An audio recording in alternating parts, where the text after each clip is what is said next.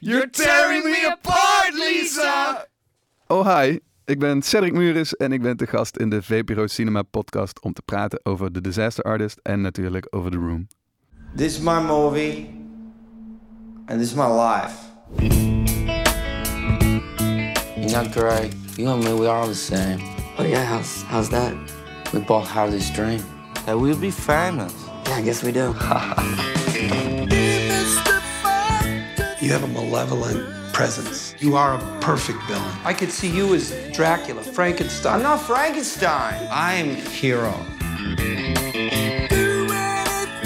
Why give them job? I give them salary. How to spend five million dollar on this movie, Greg? Five? Are you kidding me? Five million dollars? And they are not grateful. Nobody respect my vision. Where were you born, Tommy? Greg, that's not part of the scene. Now you want an easier question? Where does the money come from, huh? Stop. This is on camera. I know it's on camera, just like you want it.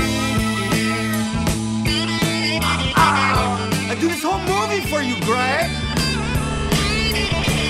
Hallo en welkom bij de VPRO Cinema Podcast. In deze podcast gaan we het hebben over film. Geen korte interviews, maar gewoon een goed gesprek. Met deze week The Disaster Artist van James Franco en de film waar die op gebaseerd is, de slechtste film aller tijden, of eigenlijk de beste slechte film aller tijden, The Room. Mijn naam is Jasper Tonnon en ik ben hier zoals altijd met mijn co-host Stephanie Laurier. Hey Jasper. Oh, hi Stephanie. Hi Cedric. Oh hi. We hoorden hem al voor de muziek. eh, Cedric, ehm, Cedric Muris heeft zijn eigen platenlabel Snowstar Records. Is onder andere manager van I Am Oak en Kensington. En hij heeft eh, naast muziek nog een andere hobby, namelijk indie films, independent films. Begin dit jaar zette, zette Cedric dan ook Chasing Reels op, waarmee hij nog niet in Nederland vertoonde indie films naar de Utrechtse bioscopen haalt. Zo, Zo. veel zinnen, maar eh, klopt wel toch? Klopt helemaal. Ja, Ja. supergoed. En we gaan het dus hebben over de Disaster, disaster Artist. Ehm, om uit te leggen waar die film over gaat, moeten we even terug in de tijd, namelijk naar 2003. En toen kwam The Room uit. Een film die zo slecht is dat hij weer goed wordt. De Citizen Kane van de slechte film wordt het wel genoemd. Ehm, in 2013 eh, verscheen er een boek van de medehoofdrolspeler Greg Sestero. Dat boek heet eh, My Life Inside the Room. The Greatest Bad Movie Ever Made. The Disaster Artist. De rechten van dat boek werden weer gekocht door James Franco. En die maakte de film The Disaster Artist, waar we het vandaag over gaan hebben. Ja, ik moet nog wel even zeggen, spoiler warning. Maar ja, valt natuurlijk weer weinig te spoilen. Want ja, het is gewoon maar echt gebeurd. Ja. Toch? We gaan het dus eerst even hebben over de Disaster Artist zelf. Eh, daarna ehm, gaan we het uitgebreid hebben over The Room uiteraard. En natuurlijk over Tommy Wiseau. Wie is dat nou eigenlijk? Die acteur, hoofdrolspeler, financier, Schrijven, director, alles. alles, eh, eh, alles. van The ja. Room. Dus dat gaan we doen vandaag. Ja, nou uh, Jasper, wat, uh, wat vond je? Wat vond je ervan? Van de Disaster Artist? Ja. Um, ik vond het een ontzettend vermakelijke film. Ik heb, we, we, we hebben hem samen gekeken. Stephanie en ik hebben hem samen gekeken in een voorpremière in Criterion. En dat was in een double bill met The Room. Dus de zaal zat ook vol met mensen die The Room echt helemaal uit hun hoofd kenden. Top. Dus echt tijdens de, de Artist werden er al dingen meegeschreven. Als, hij, als James Franco in de film zegt... You're tearing me apart, Lisa. Lisa. En de hele zaal schreeuwt dat meteen mee. Dus de, de sfeer zat er echt supergoed in. Uh, wat natuurlijk een, een superleuke ervaring maakte om zo die, die Ja. première mee te maken. Ik vond het echt, echt een heel erg leuke uh, avond, zeg maar. Ik vond het ook de, echt een van de snelste 1 uur en 45 minuten die ik in een bioscoopzaal heb meegemaakt. Ja. Het was echt zo voorbij. Um, ik vroeg me alleen wel af, achteraf vroeg ik me af, van, zou ik nou als ik hem op een ander moment had gekeken met een ander publiek of gewoon alleen thuis, of het dan ook een goede film was geweest. Of als je de room bijvoorbeeld niet gezien had, was het dan ook een goede film geweest. Wat ik, wat ik er goed aan vond, was dat ik, dat ik vond dat ze heel liefdevol met, met het verhaal omgingen. En heel liefdevol met, uh, met Tommy Wiseau omgingen, zeg maar. Het had heel makkelijk kunnen zijn dat ze echt alleen maar belachelijk maakten. Ja, dus, dus een parodie, maar dan wel Ja. met heel respectvol. En ik vond het trouwens wel, volgens mij de eerste film ooit die ik gezien heb... die precies het goede percentage Seth Rogen erin had. Meestal, meestal is er veel te veel Seth Rogen. Dit was precies goed. Wat vind jij ervan? Eh, ik, ik vind de Disaster Artist de beste comedy van eh, sowieso dit jaar. En eh, misschien ook nog wel van vorig jaar. Zo, Nou. uitspraken. Ja. Ja, hij komt zeker in mijn jaarlijstje. Eh, ja, ik, ik snap wel wat je zegt. Ben het ook wel mee eens. Ik, eh, ik vond ook heel mooi dat, eh, heel respectvol, die ehm, grappen. Ja, het grootste deel van de film zijn toch grappen ten koste van Ja. Tommy. En dat eh, ergens driekwart van de film dacht ik ook, ah, het is ook alweer gewoon heel zielig en sneu. Maar het einde is eh, dan weer zo mooi gedaan en een beetje Hollywood happy ending. En het, het gaat allemaal iets sneller dan in het, in het echt gebeurd is daar. Maar dat maakt het dan wel weer helemaal goed of zo. Dat vond ik, vond ik ook heel mooi eraan. En dat, dan voel je je ook niet meer schuldig dat je de hele tijd daarom aan het lachen bent. Want je ja, het is bijna alsof je iemand altijd uit zit te lachen. En dat voelt ook niet goed. Maar dat, dat vond ik ook heel knap gedaan, hoe dat aan het einde ja, uitgelegd, goed gepraat, goed gemaakt wordt. Ja, En Franco doet het echt heel erg goed. ja natuurlijk. echt heel goed. Ja. Ja. Wat vind jij, Stephanie? Want je hebt weer een andere ervaring Ja, ik heb een hele andere ervaring. Als experiment heb ik eigenlijk eerst de Disaster Arts gekeken en Oh ja. daarna The Room. Dus dat was natuurlijk ook wel een hele happening. Dus ik ging er samen met eh, Jasper, met alle, alle grote fans. Dus dat was een beleving. Eh, Jasper was natuurlijk eh, ja, weer te laat, maar dat is natuurlijk weer een ander verhaal. Ah, Met alle respect. Dus ik stond daar eh, in mijn eentje voor Criterion. Tussen echt een hele lange rij. Met allemaal filmgeeks. Het was niet normaal. Ik keek om me heen en dacht, het is gewoon een andere wereld. Eh, ik hoorde de plastic labeltjes, eh, hoorde ik overal al in, in eh, zakken van mensen zitten. Wat ik ook al heel grappig vond. Ik oh ja, dit gaat natuurlijk ook Ah, je hebt je gebeuren. wel een beetje uit laten leggen van tevoren. Ja, ja, ja, ja, ja. En ik heb ook wel op YouTube wel wat, wat dingen natuurlijk gekeken. Ehm, dus het was ook al wel een hele happening, omdat ik dus tussen al die echte fans zat. Ja, en natuurlijk echt alle ins en outs, de, de, de mini-grapjes, die, die kan je misschien niet helemaal vatten, maar eigenlijk snap je die ook wel, Ja. omdat het zo over de top is. Eh, het lachje en, en, en hoe hij natuurlijk, hij doet het natuurlijk fantastisch, James.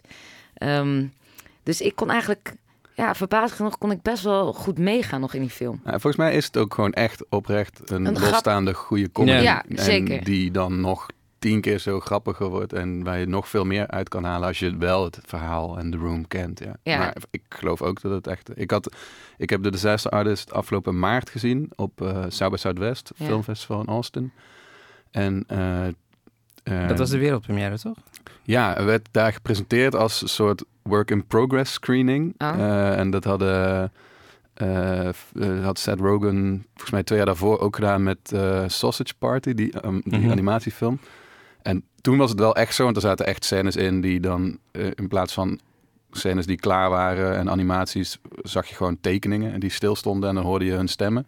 Dus dat was wel echt duidelijk een work in progress, maar dit was gewoon af. En daarna was ook een Q&A en toen werd die vraag ook gesteld en toen gaven James Franco en Seth Rogen ook eigenlijk toe van ja, ik denk eigenlijk dat de film wel klaar is. En eh, ik had, eh, ja, de- de- ik had daar Ja. ook een vriend mee naartoe genomen, eh, een, een, een filmprogrammeur eh, uit Lissabon, die helemaal niet The Room kende, Tommy Ja. Wiseau niet kende.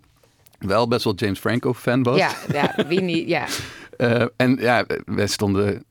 Dat was wel echt een van de grote namen daar. En het draaide ook in de Paramount, grootste bioscoop, 1250 stoelen. Oh. Dus we- zijn daar vrij vroeg in de rij gaan staan. eh, omdat ik dacht, ah, er willen vast heel veel mensen heen. Dus in die rij heb ik hem ook alles proberen te vertellen Ja, ja, over van- wat het nou is, waar Ja. we naartoe gingen. En hij vond het ook prachtig. Ja, Echt, toch? eh, Er kan wel eh, toch best wel een eind komen hoor. Ja. Dus dat En, is... jij, en jij was dus zo'n grote fan van The Room dat je naar, daarheen wilde. Ja, ja, ik heb... ehm, Maar wacht even, hoe heb je dat dan? Want bij Criterion eh, stond er al een hele lange rij. Moest ik echt bijna Ja. vechten voor een plek. Maar daar kan ik, daar, daar moeten... Ik heb daar wel een uur in de rij gestaan, maar dat is Ja. wel weer vrij normaal op South by Southwest eigenlijk bij de grote. eh, of nou ja, je, ja, er is een heel systeem. Met, er zijn Amerikanen heel goed in met verschillende badges en Ja, pasjes en eh, verschillende rijen. En eh, dat was een van de films die ik het liefst wilde zien. Dus daar had ik wel ook echt voor geregeld dat ik een, een express pass voor had. En dan Ja, kon je ja, weer ja, in een ja. kortere rij. En, eh, ja, ja ik, dat kwam echt door de room. T- t- toen ik las dat eh, James Franco deze film aan het maken was en ging maken, toen wilde ik hem zien. En toen op een gegeven moment werd hij aangekondigd voor South by Southwest. Dus toen kwam die daar hoog op mijn lijst te staan. ja, Ja, snap ja. ik. Ja. Ja. En het was ook het was super vet, want eh, die zaal was ramvol, dus 1250 man die dan voor het eerst in de wereld de Disaster Artist konden zien. Hele cast en crew is er dan ook bij. Echt? Eh, dus voordat de film begon had ik ook al wel James Franco en Seth Rogen naar binnen zien lopen en nog wat Wauw. mensen. Maar ik had Tommy niet gezien. Dat vond ik ook wel weer een beetje raar. Eh, ja, de film werd ingeleid en eh, ging spelen. En dat was echt een, een gro super groot succes. Iedereen er werd zo hard gelachen dat je sommige stukken van de film niet meer kon volgen Mhm. door het geschreeuw en gejoel en gelach Gingen van die mensen mee, mee schreeuwen Ja, en zeker. mee, de Ja. zinnen mee? Ja, oké, cool. Ja, absoluut. En eh, ik had ook echt tranen in mijn ogen van lachen. Dit is ook, die ervaring is zo veel vetter als je dat met 1200 Ja. Ja, fans precies. Echte ziet. diehard fans, ja. Ja, dus toen was het klaar. Toen was er een Q&A. ehm, en eh, er werden wat dingen. En ergens bij het einde van The Disaster Artist zag ik dus toch eh, Tommy gewoon zitten in de zaal. Echt ergens in het midden. Eh, en dat was ook... Dat was, toen was ik dus de hele tijd... Toen betrapte ik me er ook op dat ik dacht van... Ja, fuck, we zitten hier wel met 1200 man die man uit te lachen. En dat Ja, is, voelt ja, ook kut. Ja. En toen kwam dus het einde van die film en dat is toch wel heel erg mooi gemaakt. En toen dacht ik ook van, ah, dit vindt hij gewoon prachtig. Dat, dat, dat kan niet anders. Dit is center of attention. En, ja, eh, aandacht. Ja, ja. ja. het en toen was het klaar en toen haalden ze hem ook het podium op. En toen eh, werden er nog wat vragen en foto's en van alles. En toen, eh, toen vroeg, volgens mij, oh ja, toen legde James Franco uit dat hij dus ook eh, eerst het boek had gelezen, wat Craig Sestero heeft geschreven. Voordat hij The Room had gezien. Dat boek had iemand hem gegeven, was gaan lezen, vond hij prachtig verhaal. Daarna The Room gekeken. En daarna dus dit alles. En toen vroeg hij van ja, hoeveel mensen hier in de zaal hebben eigenlijk The Room gezien. En dat waren toch, nou, dat was denk ik een kwart of zo van, Ah, van die zaal. Dus er waren Oh, ook gewoon heel veel Seth Rogen en James Franco Ah, fans. ja. Eh, en toen zeiden ze dus van, nou ja, het staat niet in het programma, maar verrassing, we gaan nu The Room draaien. Dus je kan Oh, blijven zitten. En eh, ja, en toen was er allemaal chaos en er liepen ook wel veel mensen weg. Die, de zes artist was volgens mij al om half twaalf of zo, dus het was inmiddels één uur. En ik had ook nog wel een jetlag. Uh-uh. Eh, en er liepen veel mensen weg. En toen de credits, eh, die intro begon gewoon, dus gingen ook wel heel veel mensen zitten. Maar die plek waar Tommy zat was Mhm. gewoon ja, bijna sneu, helemaal leeg. Oh, ineens. echt? Toen ben ik naast hem gaan zitten. Wat goed. En toen heb ik naast Tommy Wiseau Wauw. The Room gezien. Oh mijn god. En al die mensen die daar toen nog zaten waren echt diehard fans. Dus ik had, ehm, ik had hem al wel een paar keer gezien en aan vrienden laten zien en zo. Maar dat was ook de eerste keer dat ik hem zag met zo'n Amerikaans publiek dat alles meedoet wat er mee te doen valt en aan eh, publieksparticipatie. Want dat is een super Ja, groot onderdeel van The Room. maar ja, ja. En hij zat daarnaast mij. Dat was zo onwerkelijk eh, meta eh Wauw. En, popcultuur en hoe zat hij in die film? Ja. Wat zat hij heel st- stoïcijns? Of, of zat hij gewoon net... Hey, hey, hey. Ja, ja, dat. Ja? Hij zat wel, ja, de film, vier minuten in the room zit een seksscène van Oh, zeven jee, minuten met hem. Ja. naakt. Oh, dat is mega awkward. Maar ja, hij zat naast me en ik, ik was ook niet heel obvious de hele tijd naar hem aan het kijken. Ik, deed- ik, ik deed ook een beetje cool. Maar ja, je hoorde hem gewoon wel de hele tijd zo. en ja, de- hoe, hoe meer die zaal losging. Ja, dat, hij doet volgens mij niks anders Nee. al jaren. Hij gaat gewoon Hij naar alle Ja, dat gaat gewoon- en dat, dat vindt hij prachtig. En Ja.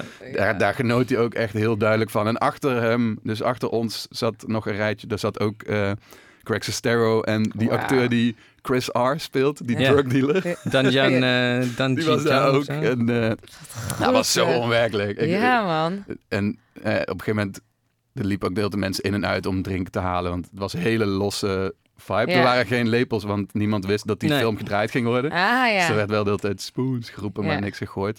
Dus ik dacht, nou, ik ga ook even bier halen. Dus toen vroeg ik aan hem, ik ga wat drinken halen, kan ik wat voor je meenemen? Toen zei hij, no, you know I don't drink. ja, toen kon hij Jij zo, come on, come on. Ja, Ik haal een scotcha Ja, voor je.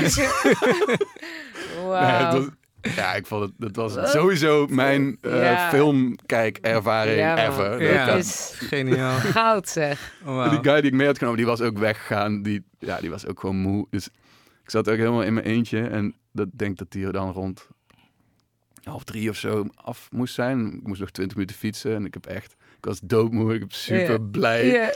Paar mensen... In Nederland was het dan zes uur s ochtends, denk ik, of zo. Paar mensen Ja, wat appen stuur van... je dan? Wat Ja. ik nu heb meegemaakt. Ja.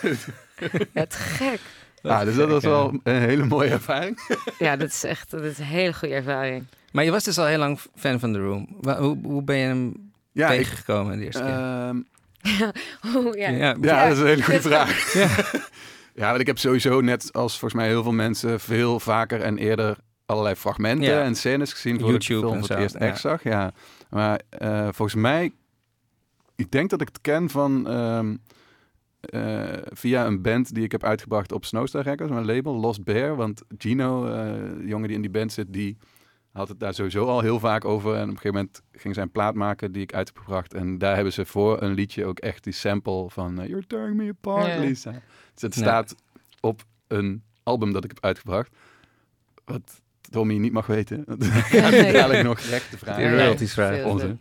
Maar volgens mij ken ik het daarvan. En ik heb heel vaak dan ja, stukjes gezien. En ja, op een gegeven moment ga je hem dan kijken. Maar ik ben hem ook... Ik ben hem een keer in mijn eentje beginnen te kijken. Toen heb ik hem ook afgezet. Omdat ik dacht van ja...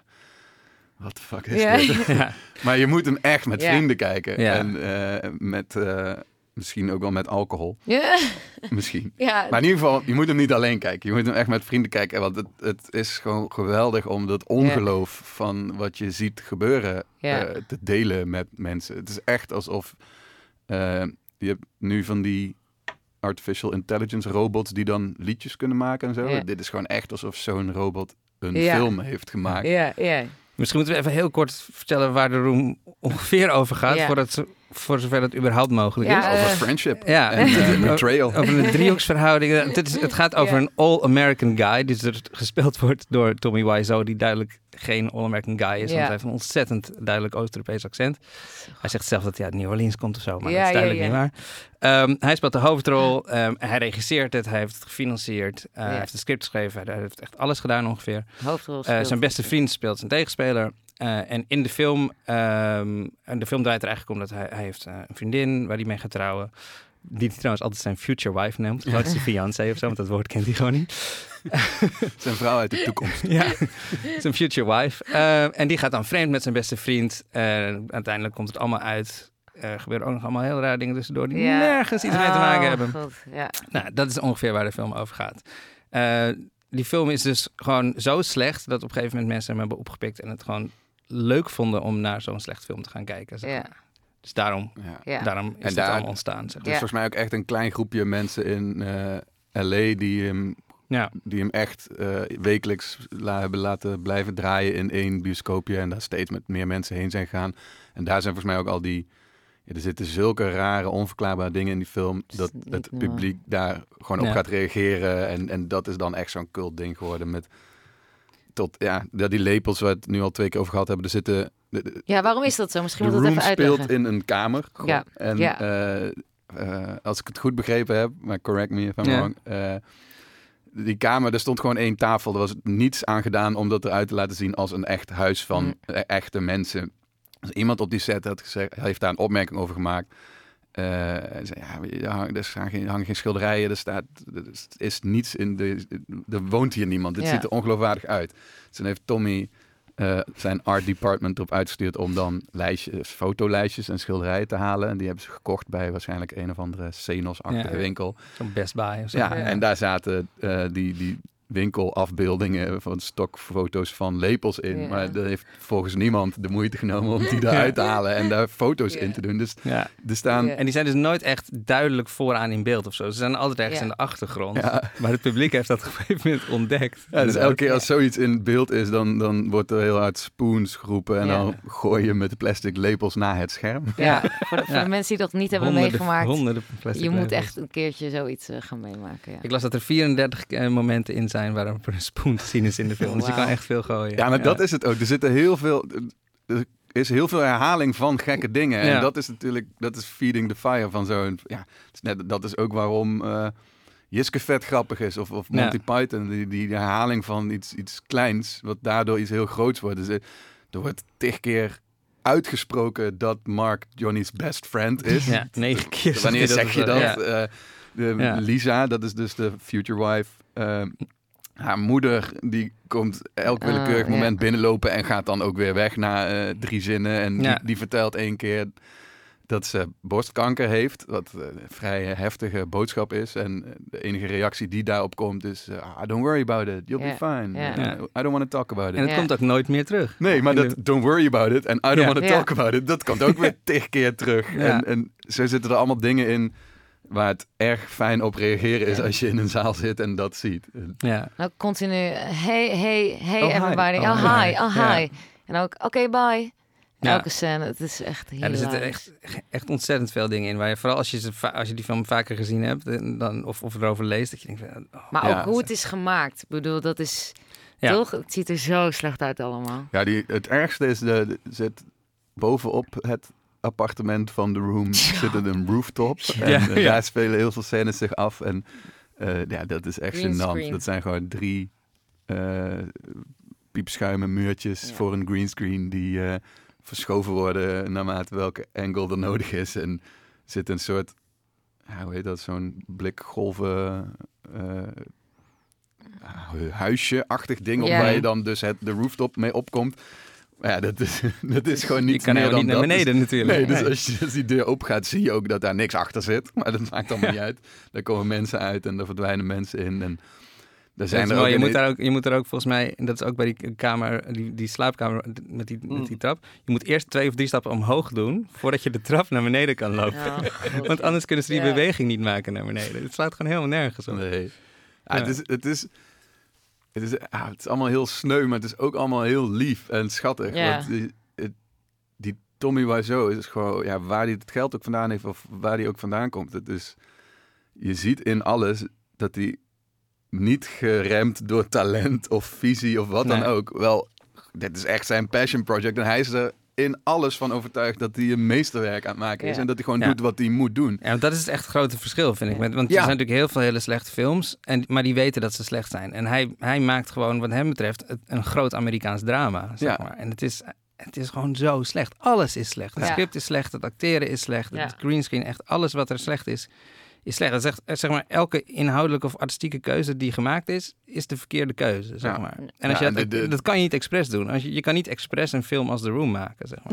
Nee, nee, nee, zeker. Dat zou absoluut niet werken. Nee. Daarom is het ook weer zo goed. Ja. Dat wat je zegt, omdat het met zoveel overtuiging is gemaakt. ja. Dat, dat, En Maar- dan inderdaad de massa dat het wordt opgepikt. Want wat je net zei, want hij, heeft dus, hij, hij is open gegaan in, in één bioscoop in, in eh, Los Angeles. Heeft die opening weekend heeft hij 1800 dollar opgehaald. Hij heeft 6 miljoen heeft hij erin Ja. geïnvesteerd. Ehm, 5 miljoen voor de film en 1 Ja. miljoen voor Ja. marketing. marketing. En één billboard absurd. in LA heeft hij vijf jaar lang afgehuurd voor 5000 dollar per maand. Ja. Om zijn film te promoten. Ehm, maar hij ging dus daar open. Nou, dat is totaal geflopt. En mensen liepen de zaal uit. Ehm, maar hij heeft toen, omdat hij er echt van overtuigd is dat hij een hele goede film heeft gemaakt, die bioscoop betaald om nog twee weken lang in die bioscoop te Mm. draaien. En waarom? Omdat je dan in aanmerking komt voor de Oscars. ja, dat Als je ook, minimaal twee, ma- Ja. twee weken in een bioscoop hebt gedraaid. Terwijl het gewoon zo'n slechte film is. Dus hij heeft totaal geen beeld van wat hij aan het maken is. Maar in die twee, twee weken kwam toen inderdaad zo'n zo'n liefhebber van slechte film, Michael Rousselet, dat is een, eh, toen nog student, nu een eh, regisseur, kwam langs en die zag een bordje staan waarbij ook bij stond no refunds. En er stond volgens mij ook nog een, een, een, een, eh, quote van een citaat onder van it's like being stabbed in the head. Watching this movie is being- like being stabbed in the head. Dus hij, dat moet ik zien. dus hij ging erheen en hij vond het heel erg grappig. En de volgende dag kwam hij terug met meer mensen. En de dag daarna met nog meer mensen. En de laatste dag van die, twee we- van die twee weken dachten ze... nou, dit wordt de allerlaatste keer dat Room ooit ergens vertoond gaat worden. Dus nu gaan we hem echt een goed afscheid geven. Nou, toen zijn ze met 100, 150 mensen erheen gegaan.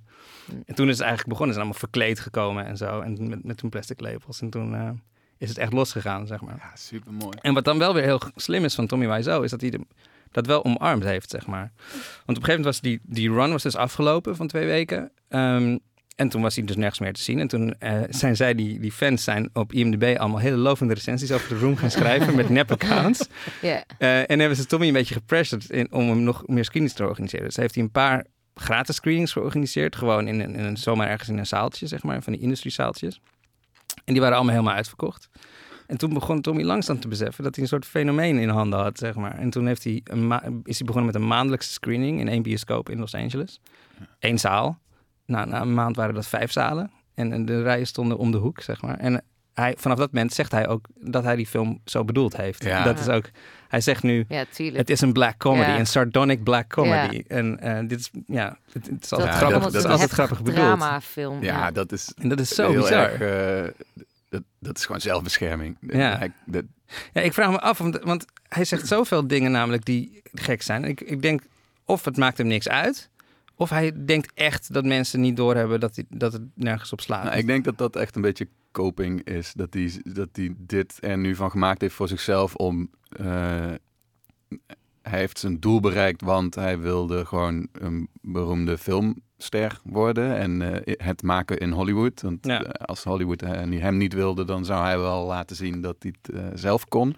Ja, dat is hem dan natuurlijk gelukt, alleen niet op de manier die hij in gedachten heeft.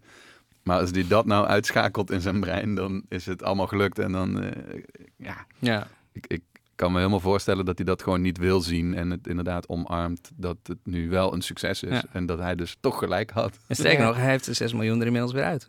Ja, dat, dat- nu zeker. Ja. Met die live rights van eh, Franco. Ja. En daar zijn toch ook allemaal nog eh, verhalen over hoe hij aan het geld kwam. Ik hoorde jasjes uit eh, Oost-Azië, Ja. dat hij dat geïmporteerd of... ja, dit is wel redelijk. Het is allemaal volgens mij nu wel redelijk eh, onderzocht. En, maar ja, het is ook wel mooi dat het toch dus, dit deel hoe oud, van het hoe oud verhaal. is die? Is dat al... eh, Ja, volgens mij is hij uiteindelijk, blijkt hij eh, in 1955 geboren te zijn of zo. Maar eh, hij zegt inderdaad altijd dat hij veel jonger is. Ja. En, eh, Zoals in de film zegt hij tegen de moeder van Greg volgens mij dat hij de leeftijd van Greg is. ja, en die is dan 18. En die is 18, terwijl hij duidelijk ergens Ja, in de nee. 40, eind 40 is. Maar Ja. hij ziet er nu nog steeds hetzelfde uit. Ja. Dus hij heeft echt zo'n uniform en eh, zijn eh, lange zwart geverfde haar Ja. en zijn zonnebril. En heleboel Die zonnebril riemen. had hij dus ook op tijdens die Echt? screenings Ja. van Disaster Artist and the, and the Room. ja, en wat ik zei, hij, gaat, hij is daar al jaren heen aan het gaan en hij reist gewoon die film achterna. En eh, ja, geld had hij blijkbaar toch al. Dus dit is volgens mij gewoon alles wat hij wilde. Hij, ik denk echt wel oprecht dat hij een gelukkig mens is. En Ja. in zijn hoofd vindt dat hij geslaagd is in zijn droom. En dat maakt het ook, dat, dan, dat maakt het mooier of zo. ja. Ja. Dat is het niet meer zo zielig als het eigenlijk is. Ja. Ja. Maar hij heeft sowieso een heel erg raar werkelijkheidsbeeld. Dat, dat, dus Ja. daarom geloof ik ook wel dat hij een beetje zichzelf wijs maakt. Hij had ook toen... eh, James Franco heeft hem uiteindelijk gebeld. Want dus dat zijn telefoonnummer stond ook gewoon op dat billboard... dat hij vijf jaar in, de, in Hollywood heeft En het eh, was een laten heel bizar billboard. hè, Met een, een hele rare close-up foto van hem. Als het, dat ook helemaal niet laat zien wat de film is. Want het lijkt een soort horrorfilm als je die foto Ja. ziet. Ja, Het is echt heel bizar. The Ring. Ja, ja, eigenlijk wel. Ja, daar lijkt het Ja. eigenlijk best Ja, wel op. ja. Ja. Maar ja, als je dat nummer belde, kreeg je gewoon of een antwoordapparaat met welke screenings er aankwamen, of je kreeg gewoon hem aan de lijn, want het was gewoon zijn nummer. Ja.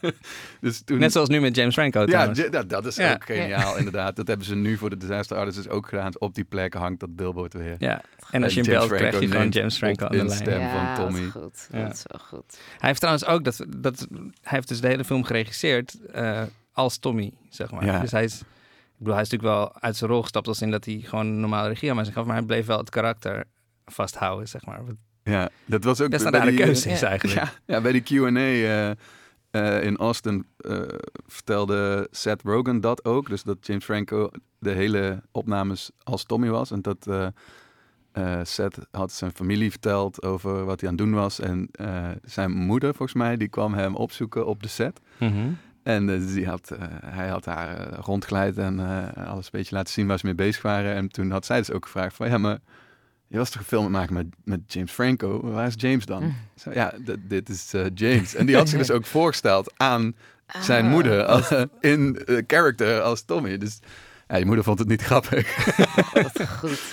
ja, maar hij doet het ook echt heel goed. Ja, er heel aan goed. het, eh, Ja. ik zit aan het eind volgens mij toch? Dat ze echt eh, Ja, eh, dat- scherm naast ja. scherm Ja. Ja. eh, scène, een aantal scènes precies na hebben gedaan.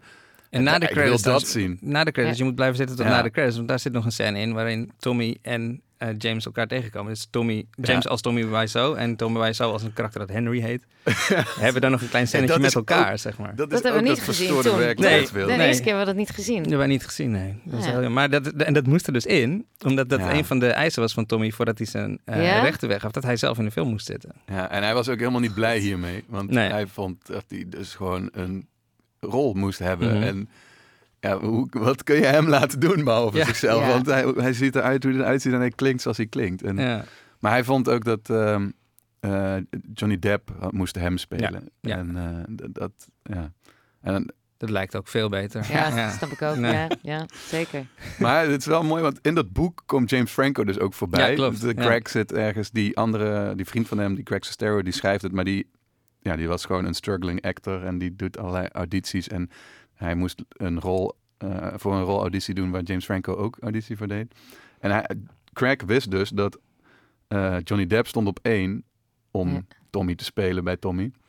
Maar James Franco op twee. Dus dat Ja. is wel echt heel mooi natuurlijk. Ja. Hij was heel erg ja. groot fan van de film Sonny, die, Ja. eh, die James Franco gespeeld had. Ja. Wat grappig. James Franco een hele slechte film vindt. waar hij zich Ja. een beetje voor schaamt.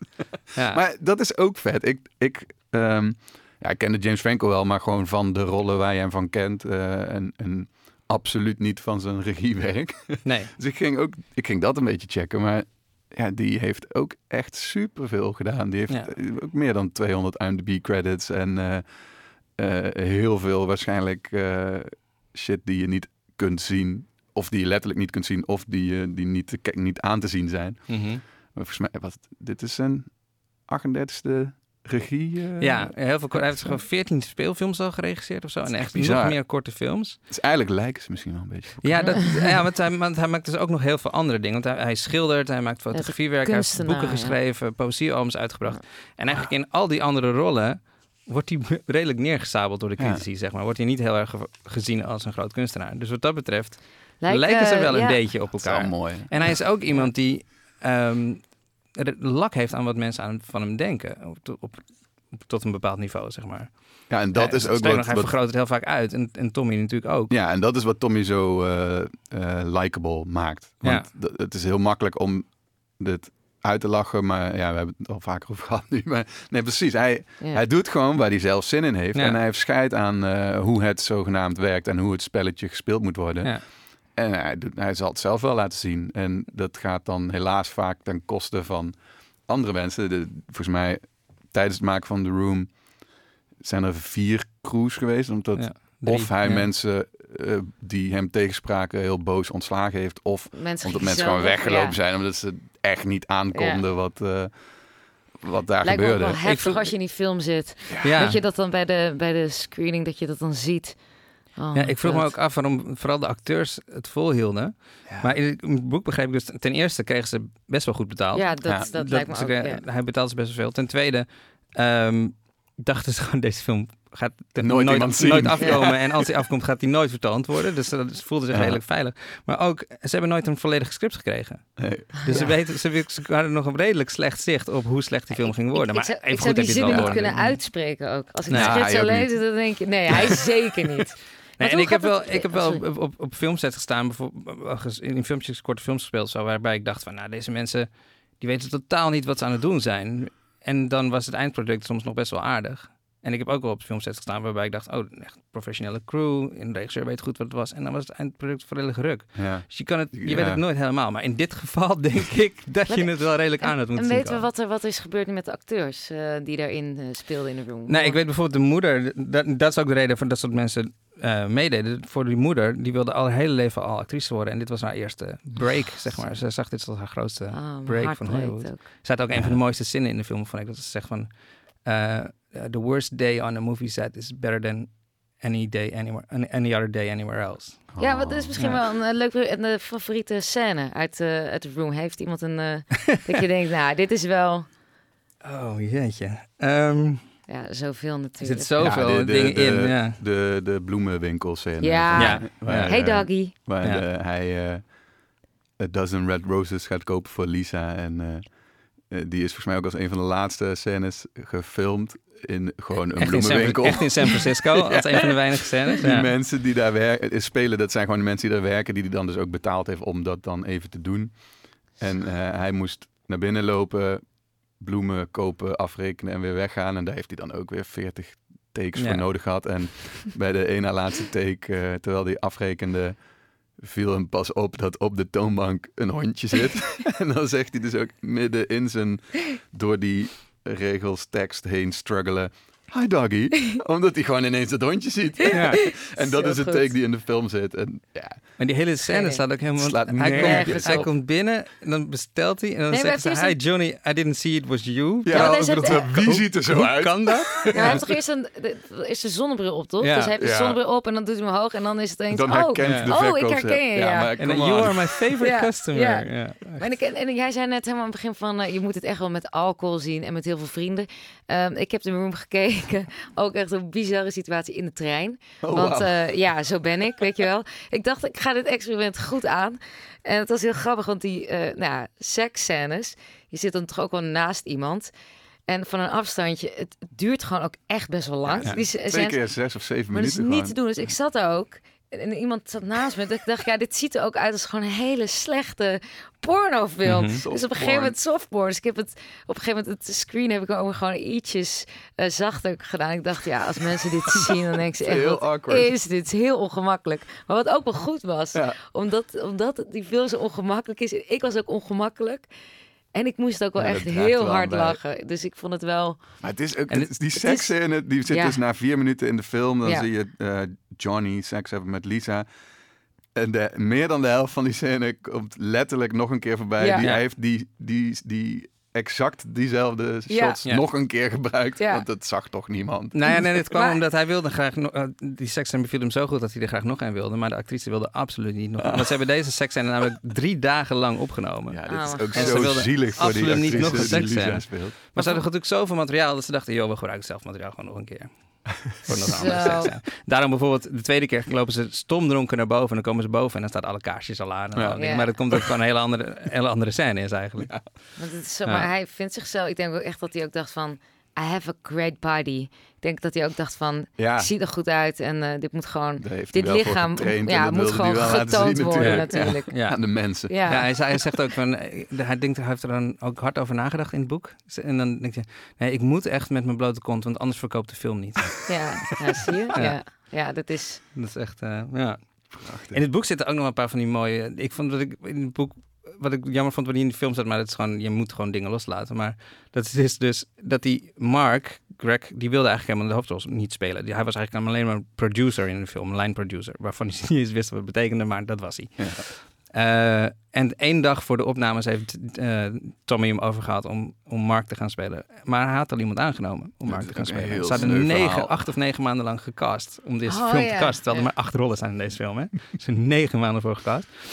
Ehm, en, hij- en Tommy had dus niet de ballen om de acteur Ja. die hij niet meer wilde gebruiken, te zeggen dat hij hem niet wilde gebruiken. Dus hij heeft gewoon, hij heeft een soort verhaal verteld, bedacht, waarin hij zei van ja, de producenten van deze film, er zijn, er hem- er zijn helemaal geen Ja, producenten ja. van deze film, dat was hij zelf. Die willen eh, Greg graag voor een volgend project zien. Dus we gaan een aantal van de scènes van Mark met Greg even ook opnemen. Eh, zodat ze daar naar kunnen kijken. Toen heeft hij gewoon bij Mark wel film in de camera gedaan. En bij de echte acteur geen film in de camera gedaan. En dat duurde echt vier, vijf dagen voordat die man dat door had. En toen is hij uiteindelijk natuurlijk boos weggelopen. Maar dat is Ja, te bizar voor woorden. onwerkelijk. Ja. Het is echt onwerkelijk. Ja. Ja. Maar ook die camera's, hij heeft... Hij, heeft, hij, weet, hij weet niks van film Nee. maken. Dus hij loopt een camerawinkel binnen in Hollywood en zegt: Ik wil film maken. I need pro- production, I need eh, camera. Ik zeg, nou ja, we hebben deze digitale HD-camera en deze 35 mm filmcamera. Ja, ik wil ze allebei. Oh, Ja. Oké, eh, ja, hoe lang wil je ze huren? Nee, ik wil ze niet huren. Ik koop ze allebei. Hij heeft gewoon... Ja, nou, dat, is voor, dat is al drie ton Ja. uitgegeven aan camera's. en- en het is Heeft echt iets laten maken. Maar dit is ook weer dat, dat, dat, eh, hoe, hoe zijn brein nu werkt. Hij heeft dus iets laten maken wat dan die twee camera's naast elkaar tegelijkertijd heeft kunnen laten draaien. Dus hij heeft alles van de film met twee camera's, 1 HD, 1 35 mm gefilmd. Dat is belachelijk. En dat, dat is, Het heeft geen enkele zin. heeft geen enkele zin. Maar nu zegt hij dus dat hij geniaal was. Omdat hij dus de eerste eh, filmmaker in Hollywood ooit was... die een eh, 3D-camera gebruikt heeft. Want dit is ook hoe 3D-camera's werken. En hij is nu bezig... Ik weet niet of het echt is of dat hij het 3D, alleen zegt. Ja, hij is nu bezig om met die twee eh camera-resultaten... die twee angles op dat statief... de room in 3D te, De te room in herreleasen. 3D. Oh mijn god. Oh mijn god. waarschijnlijk kan het helemaal niet, omdat ook die crew, Ja. ja, die dachten echt inderdaad wat jij zegt op een gegeven moment van ja, dit gaat toch nooit iets worden. Dus Ze die zijn helemaal niet meer, nee, de, de grote delen van die film zijn niet in focus, wat ook. eh, dat, had ik, dat had ik dus de eerste twee keer dat ik hem zag helemaal niet door. En pas in Austin, dat is dus ook een ding, dat elk, elke scène die eh, niet in focus is, dan schreeuwt iedereen focus. Hm. En toen had ik dat pas door. Dat is ook wel grappig. Nou, dan kun je dus helemaal niks Nee. mee. En bij de, bij de seksscène eh, riep iedereen unfocus, please. ja, dat is ook wel mooi. hoe, hoe vaak heb je de room trouwens gezien? Eh, ja, dat valt best wel mee. Oh. Eh, drie keer. En ik ga wel... wat dag is vandaag? Ik ga overmorgen weer naar een double bill van de Disaster Artist Oh, and ja. The Room. En dan neem ik ook weer mensen mee die hem nog nooit gezien hebben, The Room. Nou, wat goed. En is het iedereen die je dan meeneemt, eh, uit, uit ervaring, vindt iedereen het ook dan ook zo goed slecht? Ja, Iedereen ja, het is, echt- meteen wel fan. Nou, niet meteen. Ik heb. eh, eh, ik wilde hem dus. de eerste keer dat ik hem in zijn geheel had gezien. Toen had ik hem dus al heel lang thuis en een keer aan begonnen. En toen dacht ik ook van ja, dit ga ik wel een andere keer met een groepje mensen doen waar het leuk mee is. En toen ehm, wilde ik hem onder andere met mijn vriendin kijken. En die had hem dan opgezocht een beetje. En die dacht, ja, wat doei. Ik ga Ja. wel een leuke film kijken. Ja. Dus dat heeft heel lang geduurd totdat ik eindelijk zover had dat we hem dan gingen kijken. En toen vond ze hem ook helemaal geweldig. Ja. Dus dat werkt, het werkt wel echt. Het heeft gewoon... Ja, en het is zo bizar en onwerkelijk dat je nog nooit zoiets gezien hebt. En het is gewoon, Ja. met het hele verhaal erachter, is het gewoon charming. Ja, Het dat is gewoon- het charming. Je leeft echt met hem mee. Ja, klopt. Maar, en was jij sowieso al fan van slechte films? Kijk je vaker expres slechte films? Zeg maar? Ehm, ja, wel een beetje. Ik heb eh, ik bijvoorbeeld, kijk al nu dik drie jaar elke maandag met een groep vrienden twee eh, horrorfilms. En dat begon met, eh, met zombiefilms. Nou, die heb je op een gegeven moment echt wel allemaal gezien. inclusief de zombie strippers. En oh ja. ja. ja. nou, dat zijn echt wel Ja, hele slechte slecht. die, heb films. ik, die heb ik ook gezien trouwens. Ja. ja, dat is weer een ander verhaal. Ja. Ja. Ja. Ja, dus dat. Dat, dat werd dan gewoon algemeen horror. En ehm, ja, dit, zit, zitten nu ook wel in de jaren 60, 70. En er zit ook echt wel veel troep bij. Ja. En dat is niet altijd leuk. maar soms is het wel... Ik heb laatst trouwens... Dat is geen horrorfilm, maar ik heb wel weer een film ontdekt die echt zo kut is dat die eh, super grappig wordt. Oh. Dat was eh, Paradise Alley. Kent iemand Nee. toevallig die? Nee. Eh, ik weet niet meer uit welk jaar die komt, volgens mij eind 70 of zo. Dat is dus het regiedebuut van Sylvester Stallone. Aha. En hij speelt de hoofdrol, hij zingt de soundtrack, hij heeft het verhaal geschreven Kijk. en hij regisseert het. Kijk. Klinkt bekend. Ja, ja. juist. Ja, en hij had het eh, geschreven voor Rocky. En toen wilde niemand het hebben. En toen was Rocky natuurlijk een enorm succes. En toen heeft hij eh, deze film, Paradise Alley, alsnog verkocht en kunnen maken met ook veel te veel geld. En het is het acteerdebuut van Tom Waits. En ik ben echt Wow. mega Tom Waits fan. Dus daar, zo kwam ik bij die film uit. Want hij heeft Ah. ook de titeltrack heeft eh, Sylvester Stallone dus zelf gezongen. Wat nog niet eens zo kut is als het zou kunnen zijn, maar het is ook niet goed. Maar er zitten ook een paar tracks van Tom Waits op die soundtrack. En zo kwam ik bij die film uit. En ik had die soundtrack al wel en toen die film eindelijk ook gevonden. Maar die is ook belachelijk. Het, gaat, het is echt het bijna vergelijkbaar verhaal met Rocky. Eh, de broer van Sylvester Stallone in de film is dan een bokser en hij gaat hem trainen. En zijn boksernaam is Kid Salami. En dan gaan ze ook allemaal touwtjes met salamiworsten om zijn nek hangen, want dat is dan zijn imago. En die guy, die, er zit één scène in die ook veel te lang duurt, waarin die guy met een enorm ijsblok op zijn rug een hele lange trap oploopt, omdat hij ijs moet bezorgen. Dan komt hij eindelijk bovenaan helemaal kapot. En dan is die man waar het moet bezorgen niet thuis. En dan heel veel drama daarover. Dus, nou, dat is nog Nou, een Jasper, tip in we die dit dan de genre. volgende keer- Paradise Alley. Maar- maar- Ik heb, ik heb trouwens nog een klein beetje over, over ehm, eh, slechte films. Uit onderzoek is gebleken eh, dat een sterk interesse in slechte films gelinkt kan worden aan een bovengemiddelde intelligentie. Boom. Kijk, een verklaring hiervoor zou zijn dat de films bekeken worden omdat ze anders zijn dan normale en populaire films. En daarnaast geeft het onderzoek aan dat mensen met een bovengemiddelde intelligentie gezien kunnen worden als mensen met interesse in cultuur. Hè? En juist Damn. deze interesse zou ertoe leiden dat ze naast populaire films ook slechte films willen zien. Want films zijn immers een onderdeel van onze kunst en cultuur. Kijk jongens, Ik denk dat je daar helemaal gelijk in hebt. ja, Ja. toch? Dat is wel... eh, Ja, maar waar- waarom vind jij het leuk om slechte films te kijken? Wat is er leuk aan slechte films kijken? Eh, ja, ik, ik, voordat je dit voorlas, Ja. zou, Ja. ik niet zeggen dat ik per definitie graag slechte films kijk. Ik hou wel echt heel erg veel van films kijken. Ik Ja. kijk echt heel veel films. En ehm, ja, ik hou wel van een beetje eh, wat, wat, wat raardere dingen of zo. En wat weirdere, weirdere shit. En eh, sowieso, heel, ja, dat, om eh, je terug naar je introductie te gaan, dat, dat indie film ding, dat... ehm, daar, daar probeer ik wel, dat probeer ik wel heel erg te volgen. En eh, dat vind ik ook echt heel erg leuk. Een hele toffe scene. En daar zitten soms wel echt hele weirde dingen bij. Ja, Cedric, we vragen altijd eh, onze gasten om eh, een favoriete filmmuziek mee te nemen. ja Eh, dat vond ik ook een super moeilijke vraag. Ja? ja, daar heb ik veel te lang over nagedacht. Ja, ik noemde Tom Waits al. En ik ben echt... Mijn muzieksmaak is per tien jaar zo ongeveer wel een beetje verschoven. Maar Tom Waits is de eeuwige constante. Die luister ik ik- echt elke dag. Ik vind het nu eigenlijk jammer dat je die eh Sylvester Stallone track niet hebt. Ja, nou, daar heb ik dus over. Ja. oh, nee, die, die wilde ik niet luisteren. maar wel een nummer van Tom Waits. Ehm, eh, ik heb nog over Moon River eh, gedacht van Breakfast at Tiffany's. Maar ik heb eh, voor een andere gekozen. En dat, is ook weer, dat heeft ook weer een zijdelings een beetje te maken met Chasing Wheels. Omdat ik... eh, in, in- in- ik heb... Ik, mag ik dat vertellen? Ja, tuurlijk. tuurlijk, tuurlijk. Maak even, plug jezelf Ja, even. precies. Ja. Chasing Wheels. eh, ik organiseer dus eh filmscreenings van films die je anders niet of pas veel later in Nederlandse bioscopen kan zien. Ik heb er nu drie gedaan in Utrecht en de vierde is eh 9 februari in het Hoogd in Utrecht. En eh, voor de eerste keer nu wordt die avond ook georganiseerd in eh, Kino Rotterdam. Eh, maar dan eh, een paar weken later. En eh, dus dat is mijn plugje. Mag je, mag je al zeggen welke, welke films het zijn 9 februari? Ehm, nou, volgens mij is op het moment dat deze podcast te luisteren is dat nog niet aangekondigd. Oké. Maar Kijk op chasingreels.nl. eh, ja, en, op socials. En, eh, maar een klein, eigenlijk is de, de track die ik heb gekozen een, een, een kleine hint. Eh, en dat is eh, een, een liedje uit de soundtrack van Paris, Texas, wat echt ook een van mijn lievelingsfilms is. En ehm, die hoofdrol wordt gespeeld door Harry Dean Stanton. Is dit jaar overleden? fantastische acteur die eh, op de avond van de vorige Chasing Wheels avond, eh, dat was een double bill met twee eh eh, première films.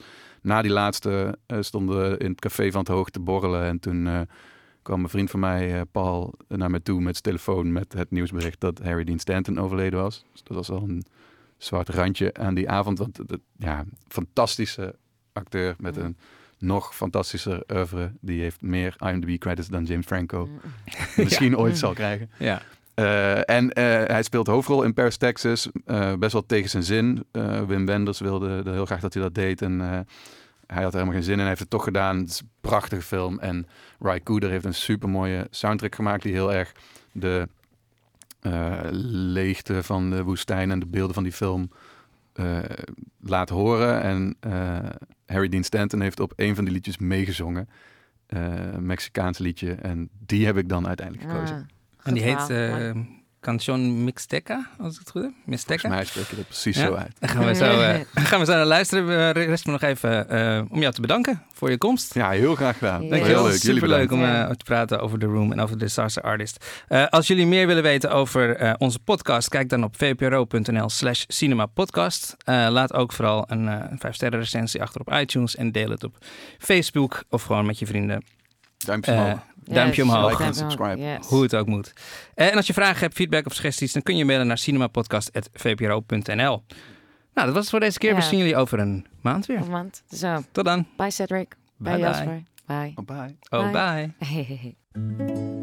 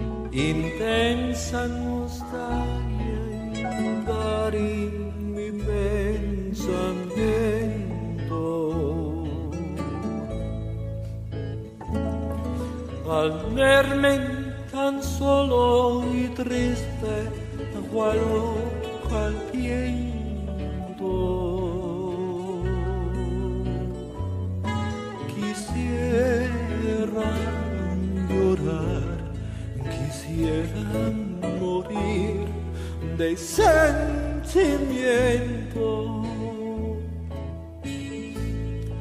Oh tierra del sol, suspiro por verte.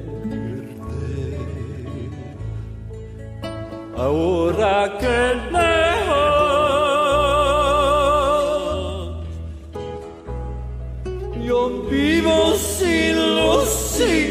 Amor. Al verme tan solo y triste.